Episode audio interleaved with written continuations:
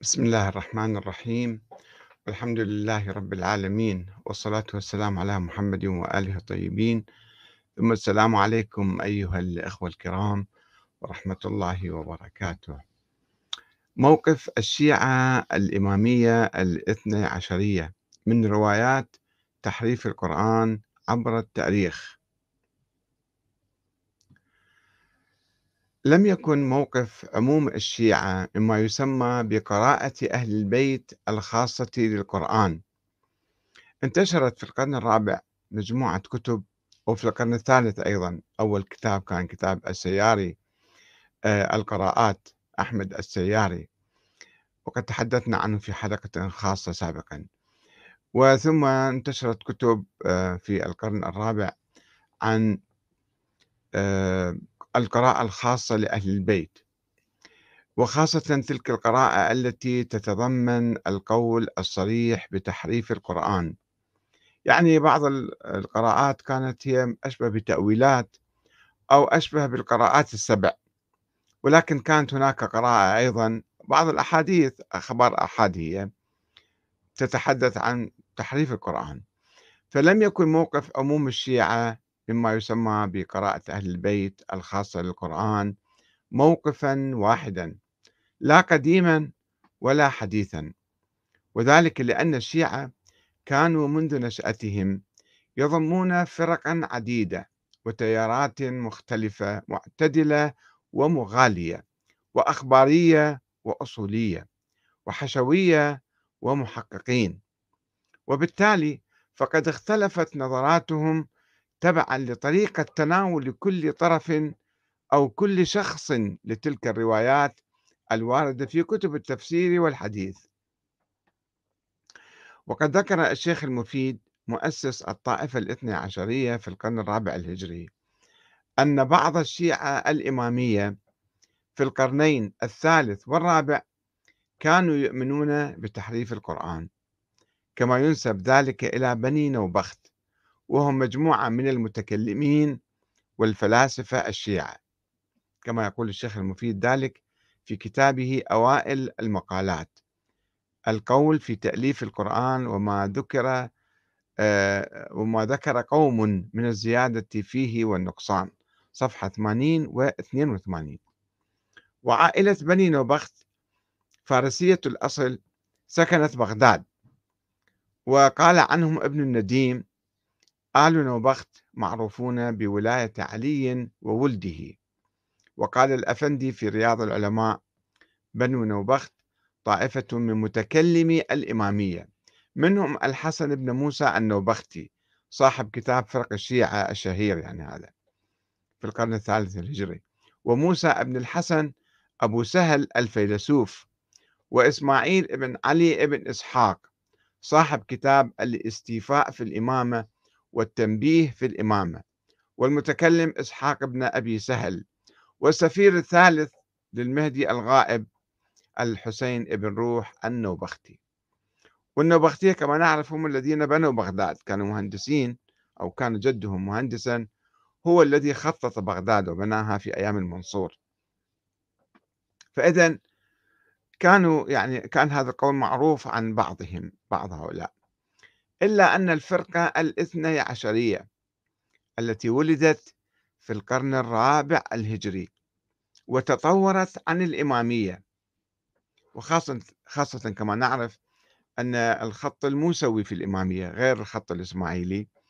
الخط الموسوي وصل إلى طريق مسدود بوفاة الإمام العسكري دون ولد ظاهر وبالعكس كان هو يقول أمام المحكمة أثبت ذلك بأنه لا ولد له وأوصى بأمواله كلها تروح إلى أمه. فهاي الفرقة التي تطورت عن الإمامية بعد ما تفرعوا فرق عديدة ونشأت الفرقة الاثنى عشرية. فقامت هذه الفرقة بمراجعة تلك الروايات التي تتحدث بصراحة عن تحريف القرآن ورفضتها وشككت برواتها وعلى رأسهم السياري. أحمد السياري فاعتبرتهم مغالين ومنحرفين. وقد أعرب الشيخ محمد بن علي بن بابويه الصدوق الذي توفي سنة 381 بقوة عن رأيه هذا في رسالته الاعتقادية. قائلا اعتقادنا في القرآن أن القرآن الذي أنزل الله على نبيه هو ما بين الدفتين وهو ما في أيدي الناس ليس بأكثر من ذلك. ومبلغ سوره عند الناس 114 سورة. وعندنا الضحى وألم نشرح سورة واحدة. والإيلاف وألم ترى كيف فعل ربك. أيضا هاي يعتبروه سورة واحدة. يعني فقط هذا الخلاف في تحديد السور يعني. ومن نسب إلينا أن نقول إن أكثره من ذلك أكثر من ذلك القرآن كان أكثر من ذلك وعند الأئمة باقي فهو كاذب. كما عبر الشريف المرتضى علم الهدى علي بن الحسين الذي توفي سنة 436 عن موقف مشابه عندما قال إن العلم بصحة القرآن كالعلم بالبلدان والحوادث الكبار والوقائع العظام المشهورة وأشعار العرب المسطورة يعني متواتر. فإن العناية اشتدت والدواعي توفرت على نقله وبلغت حدا لم تبلغ إليه فيما ذكرناه. لأن القرآن معجزة النبوة ومأخذ العلوم الشرعية والأحكام الدينية. وعلماء المسلمين قد بلغوا في حفظه وعنايته الغاية حتى عرفوا كل شيء فيه من إعرابه وقراءته وحروفه وآياته فكيف يجوز أن يكون مغيرا أو منقوصا مع العناية الصادقة والضبط الشديد؟ وهكذا قال الشيخ الطائفة الاثنى عشرية الشيخ أبو جعفر محمد بن الحسن الطوسي الذي توفي سنة 461 وهو من تلاميذ الشيخ المفيد والسيد المرتضى. قال وأما الكلام في زيادته ونقصانه فمما لا يليق به أيضا لأن الزيادة فيه مجمع على بطلانها. والنقصان منه فالظاهر أيضا من مذهب المسلمين خلافه وهو الأليق بالصحيح من مذهبنا. هذا يقول في كتابه التبيان في تفسير القرآن. يعني بالحقيقة هو يشير إلى أن بعض الإمامية كانوا يقولون بنقصانه ولكنه يقول هذا مو صحيح. والظاهر أيضا من مذهب المسلمين خلافه وهو الأليق بالصحيح من مذهبنا.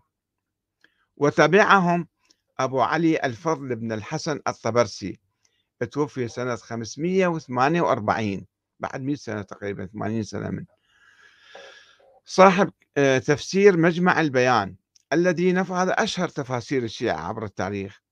الذي نفى الزيادة والنقصان في القرآن وأكد على أن القرآن كان على عهد رسول الله صلى الله عليه وآله مجموعا مؤلفا على ما هو الآن نفس هذا القرآن.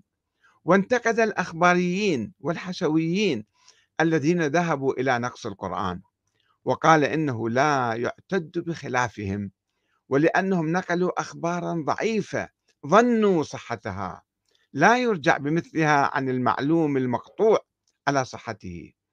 ورفض الطبرسي الروايات السنية والشيعية التي تتحدث عن نقصان آي القرآن لأن طريقها الآحاد التي لا توجب علما فالأولى الإعراض عنها وترك التشاغل بها لأنه يمكن تأويلها. ولو صحت لما كان ذلك طعنا على ما هو موجود بين الدفتين فإن ذلك معلوم صحته لا يعترضه أحد من الأمة ورواياتنا متناصرة بالحث على قراءته والتمسك بما فيه وورد ورد ما يرد من اختلاف الأخبار في الفروع إليه. يعني عندما نختلف في مسألة فقهية أو شيء نحن نرد ذلك إلى القرآن وعرضها عليه فما وافقه عمل عليه وما يخالفه يجتنب ولا يلتفت إليه. هذا هو الموقف الأساسي الذي أسس الفرقة الاثنى عشرية ولكن في الحقيقة استمرت آه، آه، استمر بعض الأخباريين آه، الذين لا يحققون ولا يدققون مثل النور الطبرسي قبل حوالي 100 عام 150 عاما. جمع بعض الروايات المتناثرة أخبار الآحاد المتناثرة من هنا وهناك وألف كتابه فصل الخطاب في إثبات تحريف كتاب رب الأرباب ولكن علماء الشيعة قاموا باستنكار ذلك والطلب منه بسحب كتابه والرد عليه وأيضا تحدثنا عن ذلك وإن شاء الله سوف نتحدث بالتفصيل عن ذلك في المستقبل أيضا. والسلام عليكم ورحمة الله وبركاته.